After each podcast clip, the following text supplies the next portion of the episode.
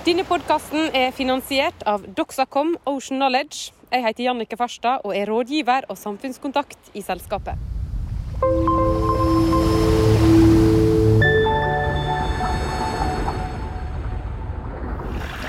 Skal tru hva det er oss ikke veit i dag, at blir en veldig viktig levevei for våre barn og barnebarn. Kanskje er det ideer som du går og grubler på? I denne podkasten skal vi møte folk som gjorde nettopp det. Fant ut noe som er blitt en veldig viktig levevei for nordmenn, og ei stor næring i landet vårt. Du skal også få høre om en tabbe som førte til viktige framskritt i oppdrettsnæringa sin spede start i Norge. Og dette uhellet som arkitekt Karstein Oddmund Vik og broren Olav ble ute for, ser faktisk ut til å ha skapt grunnlaget for en ny næringsvei på norskekysten.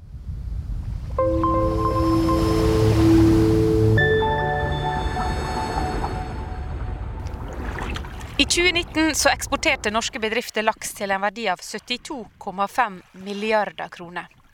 Det hadde neppe de som testa ut dette langs kysten tidlig på 60-tallet, sett for seg. Til da var det meste av forsøk gjort med ørret på land, og næringsvirksomheten lå under Landbruksdepartementet. Og skal tilbake til ei tid da ingen visste at det gikk an å drive oppdrett av laks, og i alle fall ikke at det kunne finnes et marked ute i verden til å selge den. Ja, de visste jo ikke noe. De visste jo ikke at det gikk an å, å ale opp laks. At laksen kunne, kunne fôres opp sånn som ørreten. Det var ikke kunnskap om det. I dette programmet skal vi møte to personer som trakka sine barne- og ungdomsår blant oppdrettspionerene i Norge. Første året så var de veldig spent på om han ville ete når de skulle begynne å fôre han igjen. Og det gikk veldig veldig lenge før han tok, men så ble han sulten da, antageligvis. Mm. Og da var det jubel? Ja. Og da begynte han å ta. Så uh, det var veldig spennende å følge med på akkurat dette. Jeg var nå ikke så stor da.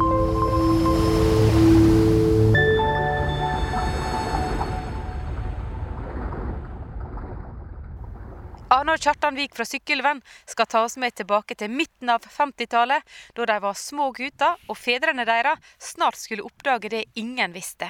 At han kan drive oppdrett av laks, og at han kan gjøre det i fiskekasse ute i sjøen. Men dette var bare en av mange oppdaginger som de gjorde. Det var nok to kilnøtt ut med Ørsneset. Så vi fikk løyve til at de skulle ha det åpne med helgene. Og den laksen som kom inn da, den eh, drog vi inn, på, inn til Vik med ei lita flytekasse som en snøplog. Som eh, var vann inni, da, så drog, det, drog, laksen inn dit og hadde den oppi dammen. Første brønnbåten? Ja, den første brønnbåten. Det var det. Ja. Det hele starta med en ganske sprø idé på Sunnmøre i 1954. Heggen-planen. I et program som NRK laga tidlig på 60-tallet, så forteller reporter Arne Gressdal om dette. Han forteller om Ivar Heggen som ønsket å stenge av hele Sykkylvsfjorden for å ha laks gående der som husdyr. Ivar Heggen inviterte til folkemøte på Ungdomshuset og forkynte sin idé. Hadde jeg hatt nok penger, sa han, skulle jeg ha kjøpt hele fjorden og kjent meg rik. Men jeg er bare en alminnelig liten gardbruker. Sjå på denne fjorden som skyter seg inn mellom fjella deres. Tenk dykk fjorden innanfor sperringa full av glinsende blank laks som de kan plukke som glinsende kontanter. Han går opp i elvene deres og gyter, og den nye generasjonen kan de fòre fram til han i sin tur skaper nok en ny generasjon. Slik kan de holde på. Det var det temmelig umulig å gjøre dette der noe som ville, han Heggen, altså. Det at uh, De skulle ikke mate fisken. Han skulle gå ut og komme tilbake, og så skulle de slakte han, fange han inn og slakte han. Det ble aldri til at Sykkylfjorden ble stengt av, og at vi fikk en evig syklus av laks som ble mata der inne og reproduserte seg sjøl oppe i elvene. Men som Erne Gressdal sier det, folk hadde fått noe å tenke på. Men sykkelvingene fikk ikke sove om natta. Glinsende laks brala og hoppa for auga deres. Om dagen gikk de og så på fjorden sin, og igjen flimra laks for auga deres, stadig større og større stimer. Ingen hadde jo prøva Heggens idé. Det kosta ikke noe å prøve de små, drive små forsøk. Når vitenskapsfolk og fagfolk ikke ville, så hvorfor ikke drive det som en passelig liten hobby mellom glade amatører? Og dessuten var de ikke så helt sikre på om det ikke likevel var Heggen som hadde rett. Dermed starta de stamfisklag som fikk til oppgave å drive forsøka, og Fridtjof Fredriksen ble sett til formann og primus motor. To av de som gikk og tenkte, var brødrene Karstein og Olav Vik. Kjartan Vik var en liten gutt da faren Olav begynte å sysle med dette. Han het Olav C. Vik. Det var tre Olav her inne på Vik som måtte ha en, en mellombokstav, sånn at de ble helt fra hverandre. Han var veldig interessert i, i Han hadde gartneri, da. Og så var han bonde. Og så ble han veldig interessert i laksefiske og, og oppdrett da, etter det han var på denne Heggen, dette Heggen-foredraget. Han Heggen hadde jo et lite anlegg med regnbueørret inne i Valldalen. Den andre av pionerbrødrene var Karstein Vik. Sønnen Arne Vik forteller om en far som ikke bare var arkitekt, men som hadde alle mulige slags verv i lokalmiljøet hjemme. En mann med mange jern i ilden. Han var en ja, I dag er jo gründerbegrepet ganske utslitt, men han var en typisk sunnmørsk entreprenør. Når var pionertida for norsk oppdrett? Skal vi si at det var på 50-tallet? Hvis du snakker om lakseoppdrett, så var det det. det men ørretoppdrett hadde jo mange prøvd seg på langt tilbake i historien også. Og da, da, skulle han gjøre det på den danske måten, for det var de det som var liksom kjent for å Det var jo det han sa om ferskvannsinspektøren han Harstad. At det må, måtte gjøres. Han, han fikk aldri inn i hodet sitt at det han kunne oppdrette i sjøvann.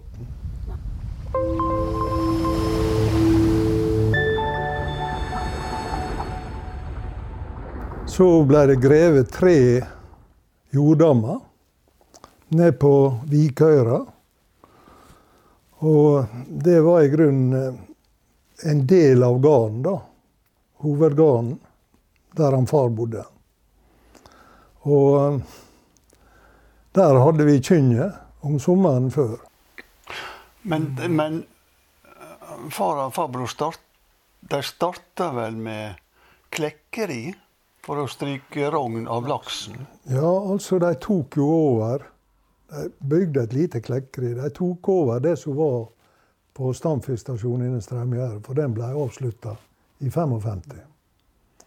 Og da fikk de vel litt lakseyngel, også en del rogn av regnbueørret. Og, den, ja, og den kom fra Danmark.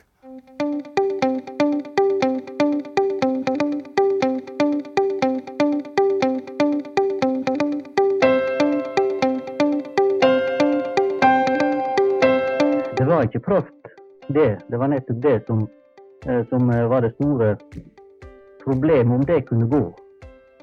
For å få starte med den rogna så måtte vi fange inn eh, stamlaks fra kilnøttene. Det var nok to kilnøtt ute med Ørsneset. Så vi fikk løyve til at de skulle ha det åpne med helgene. Og den laksen som kom inn da, den eh, drog vi inn, på, inn til Vik med ei lita flytekasse som en snøplog som eh, var vann inni. da, Så drog, det, drog, laksen inn dit og hadde den opp i dammen.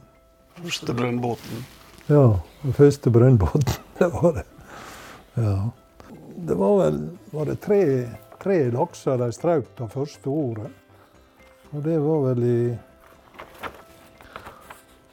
ja, det var første var vel i 55, eller 56.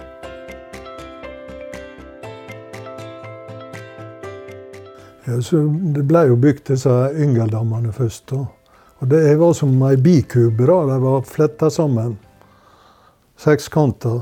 Og så ble det bygd eh, eh, firkantdammer til settefisk nedenfor der.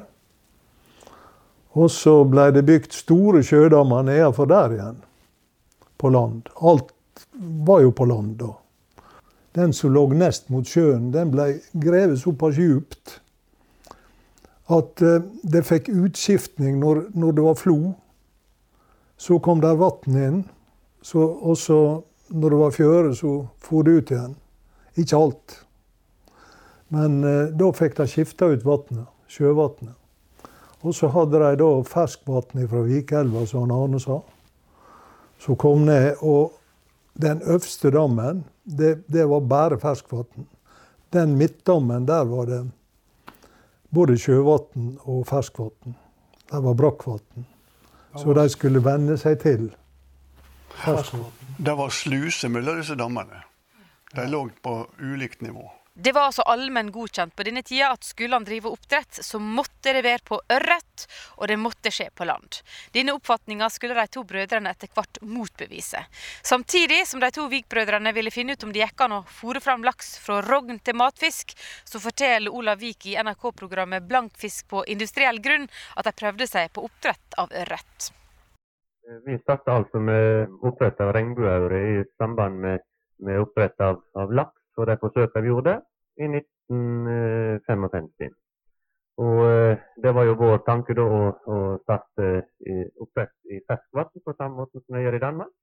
Det vil si at eh, vi gjorde regnet med at vi derved kunne, kunne få en brukbar næringsvei ut av det, selv om våre forsøk med laks eh, skulle mislykkes så var det i grunnen bare et uhell som gjorde at eh, vi kom til å, å, eksperimentere med å oppdrette denne her regnbueøyen i, i saltvann.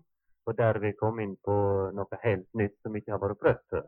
Det uhellet er så morosamt og har uh, ført til slike resultater at jeg syns vi må fortelle det her. Ja, det kan jeg gjøre. Det var altså, som tidligere broren min fortalte, så hadde vi stamlaksen gående nede i et sjøbasseng. Og det sjøbassenget det sto i, i grunn i, indirekte forbindelse med de dammene der vi hadde eh, regnbueauren vår gående.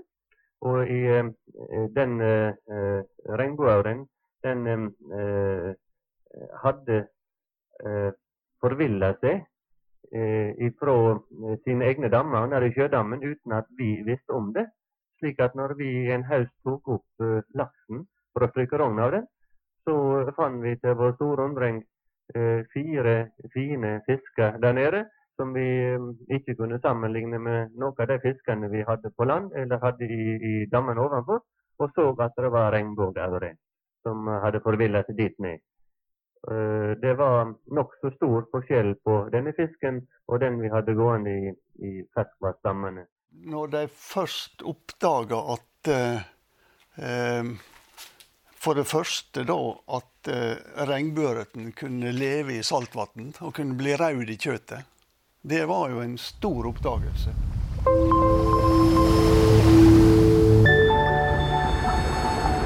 Første året som står her i denne boka som faren skrev da, at det var i 55. Og høsten 55 så ble det strøket rogn av han. Så det Og de strøk eh, rogn av samme laksen. Men det var lenge før han begynte å ta til seg mat. For å få starte med den rognen så måtte vi fange inn eh, stamlaks fra Kinnøttene for å komme i gang. Og den eh, stamlaksen fanget inn da i eh, mai-juni og har den gående i sjødam eh, ut i september, som vi da flytter over til ferskvann for å eh, tilvenne seg den til rognstykkinga. Når vi har da eh, strøket rogna i, eh, i november-desember, så var det en naturlig ting naturligvis å slakte den laksen. Men vi kom til at vi ville gjøre et forsøk, om det kunne gå an, å få den laksen til å ta til seg næring. Det var heller ikke prøvd. Første året så var de veldig spent på om han ville ete når de skulle begynne å fôre han igjen. Og det gikk veldig veldig lenge før han tok, men så ble han sulten da, antageligvis. Og da var det jubel. Ja, og da begynte han å ta. Så eh, det var veldig spennende å følge med på akkurat dette. Jeg var nå ikke så stor da. Hvor gammel du var Ja, jeg var 14 år i 55 da. Så du fulgte litt dette her tett, da du egentlig? Ja da. Og så fikk jeg sommerjobb, vet du. Da skulle skulle fôre. Og dette, den tida så var det jo vanskelig med fôr. For det, det var ikke noe tørrfôr eller noe sånt som i dag, så er det ikke noe problem. Men da fôra vi med sild og med lodde. Som var frosne i, i ja, 30-40 kilos. Og eh, Det ble jo bygd fryseri for fôr etter hvert, da, men eh, til å begynne med så var ikke det Nei, da, da kunne ikke vi få mer enn vi, vi brukte til det var opptina, faktisk. Så, det, så ble det bygd fryseri og klekkeri, som han sa han Arne. Og da, da kunne vi lagre sjøl fôr. Men hva du husker sjøl fra den sommeren når du drev og jobba der og du var 14 år? på en måte? Nei, jeg husker bl.a. at det, det var en fisker. Så det han ikke fikk selge, det kom han inn med til oss. Bl.a. fine breiflabber og steinbiter, for det var ikke noen som åt det den tida. Så det ble, det ble mele opp. Jeg tenker på det nå, altså. Det er helt utrolig. Det var to flotte breiflabber en gang, så jeg molda opp. Og så yngelen, det mata vi med, med lever. Vi fikk svinelever, og var spesielt det, da. Fra Ringdal og fra, fra Stranda. Og det mol vi opp, det brukte vi til yngelen. Og da hadde vi kosta Så hadde vi denne leversuppa nedi ei spann. Og så for vi rundt med kosta og stakk nedi og hadde ut. Og det var nå du med meg på. Ja, og så kom det så små rumpetroller opp og åt det sånn. Men du nevnte en ting. Eh, um, ja, boka, så da, han far samla et hefte.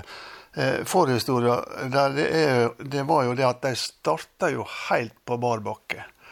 De fikk eh, de fikk opp han Sven Jensen, fra, eh, som var sånn fiskerikonsulent, eller fiskerirøkter fra Danmark, som var der et år.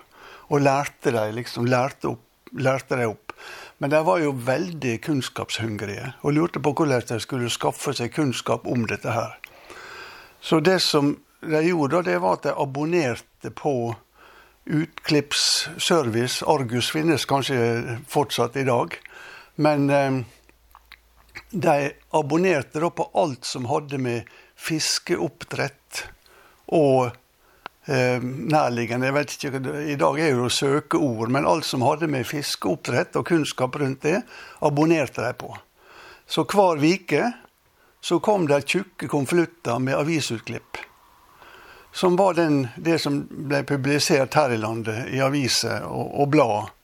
Det var eh, alt fra Nå Aktuelt og til de minste lokalaviser. Og det samla han far i et eh, hefte da, som man kaller presseklipp fra pioneråra i havbruk. Og det var den kunnskapsbasen som de hadde. Bortsett fra alt som skjedde rundt omkring. Etter hvert så var det mange anlegg som dukka opp rundt omkring. Mange som ville starte. Men på den måten så fikk de også da forbindelse med og fikk kunnskap om de som ville starte. For det er klart at eh, hvis det ville starte en på Eggesbønes eller eh, på Sotra, så kom lokalavisa der med en gang med, eh, med presse om det. Ja, så Samtidig som disse to karene holdt på i Sykkylven, så skjedde det mye rundt omkring i landet. Etter hvert mer og mer. Ja, etter fire-fem år så begynte det å skje. Ja. På denne tida var det ingen vitenskapelig forskning på dette, men hjemme hos Ane Vik så sitter oss med store permer og detaljert kunnskap og dokumentasjon om de to Vik-brødrene sine eksperiment. Dette må absolutt kunne sies å være den aller første forskninga som er gjort på oppdrett i Norge. Det har jo ikke vært for, forska på før. det. Nei, det hadde ikke det. Det var jo absolutt det første. Ja, det var jo både forskning og eh, næring, kan du si. Og um, forskninga er jo var jo det som eh, de begge to var opptatt av.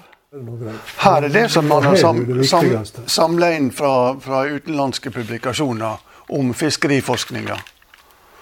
Uh, og um, dette her, det er jo um, Det er jo det som de drev med på, si, på lekmannsvis, og prøvde å få, eh, å få finansiering for på nasjonalt hold. Men der ble jo det en, der, der ble jo de møtt med kompakt motstand fra inspektøren for ferskvannsfiske. Fordi denne virksomheten den sorterte under eh, Landbruksdepartementet. Men det var sånn det, altså. Det var bare kun i ferskvann. For etter dansk modell skulle være med han.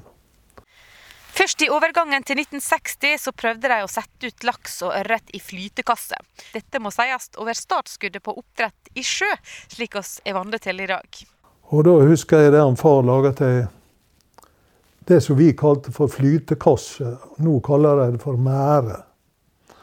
Men eh, flytekassene, de første som ble bygd, de var fem eh, Det var i firkant, og så var det fem meter sidene.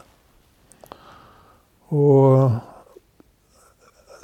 det var de første. Og så gikk jo det i grunnen bra, da. Og så bygde de flytekasse som var ti ganger ti meter. Det var de største, da.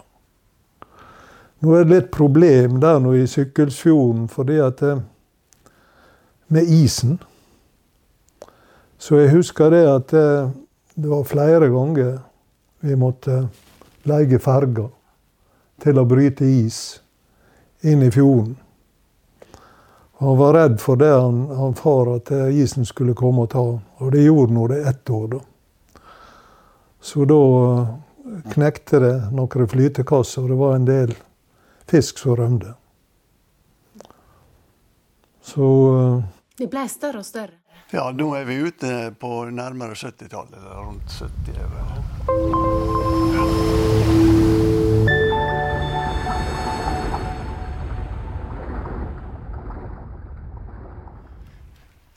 om dette som de tenkte å sysle med i det små, hadde nå utvikla seg til å bli et ganske stort anlegg. De måtte ut av Norge for å hente kapital.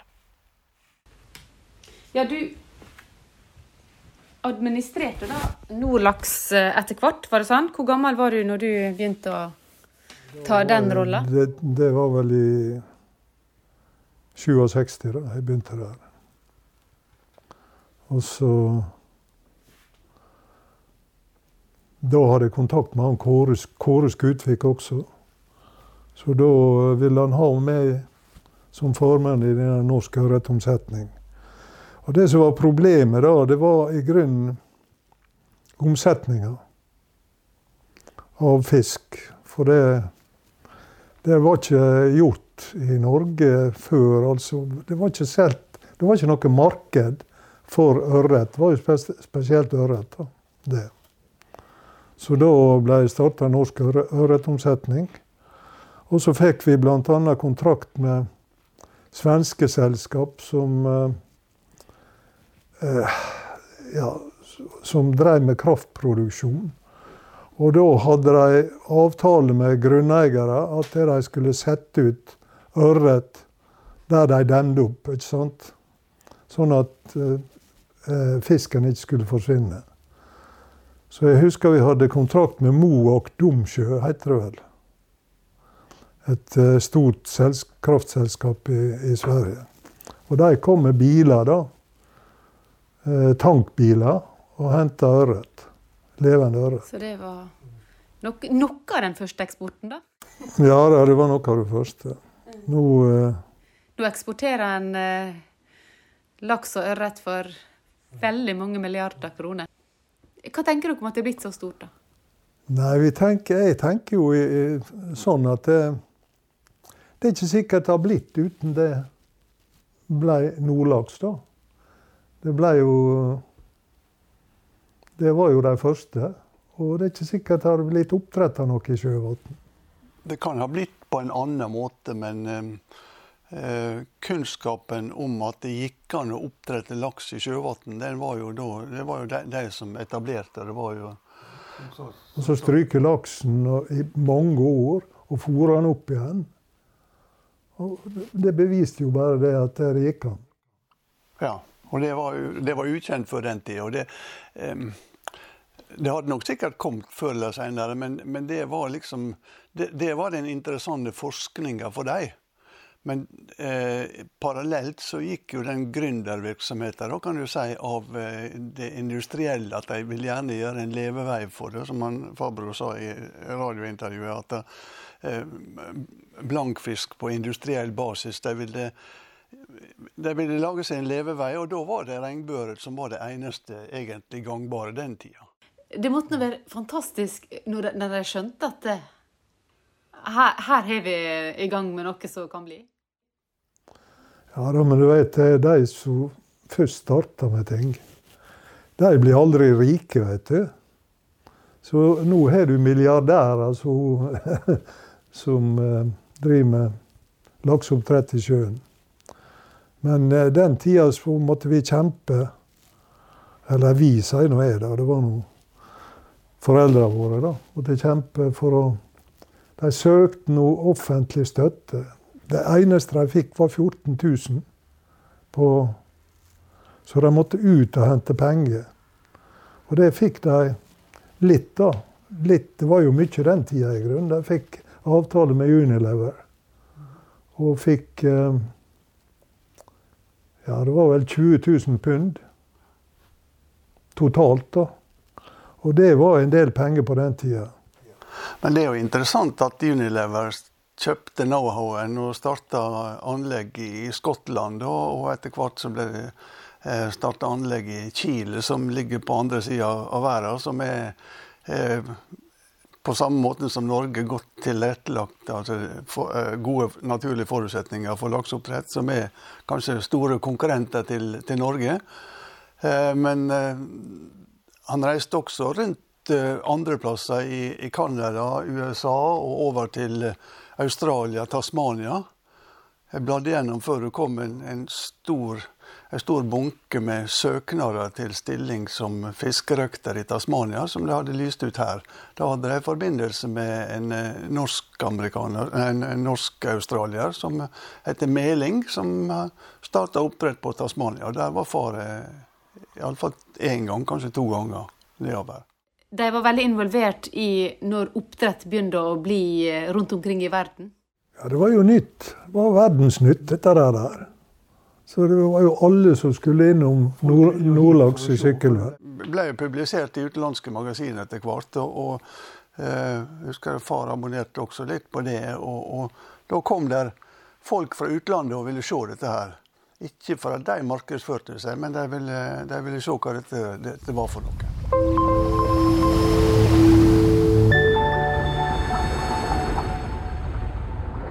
Her les Kjartan Vik sitat som faren Olav ga i boka 'Over den leiken ville han rå', norsk havbruksnærings historie. Men du veit, folk slapp inn likevel, og det er jo Ja. Eh, det anka ikke Unilever noe på. Vi hadde folk gående her hver eneste dag i flere år. De kom fra det nørste i landet til det synste. Så hvis en skulle regne ut timene som gikk, og så prikk, prikk, mange av dem var nå slike som seinere begynte med oppdrett andre plasser i landet, og kom tilbake for å kjøpe settefisk. Andre kom langveis fra, og vi hadde utsendinger fra Canada, Island, Tasmania, Irland, Australia og Spania. Og han Karstein for seinere ut til disse landene og snakka om og gav råd om oppdrett. Sjøl var jeg hjemme og stelte fisken. skrev han. Og det var jo sånn det var da? Ja, det var sånn det var. De hadde to helt klart eh, definerte roller som de fant seg veldig godt til rette med. og Det var lite krangel. Han, eh, far han var eh, ja, han var utålmodig, framoverlent, vil jeg si i dag. Eh, og han, farbror han var jo litt mer ettertenksom. Da. Ja, kanskje det, og sånt. sånt de, og de fylte veldig godt ut hverandre.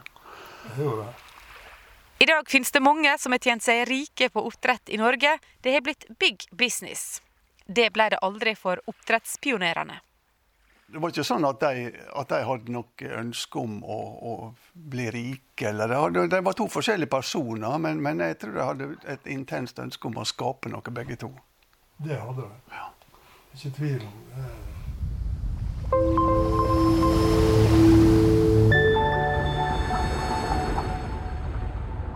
Historia om Norge er ei fortelling om havet, og akkurat nå så skriver oss neste kapittel. I den neste podkasten skal du få høre ei historie om hvordan oppdrettsnæringa utvikler seg i nye retninger. Hvordan en idé nå har utvikla seg til å bli et milliardprosjekt.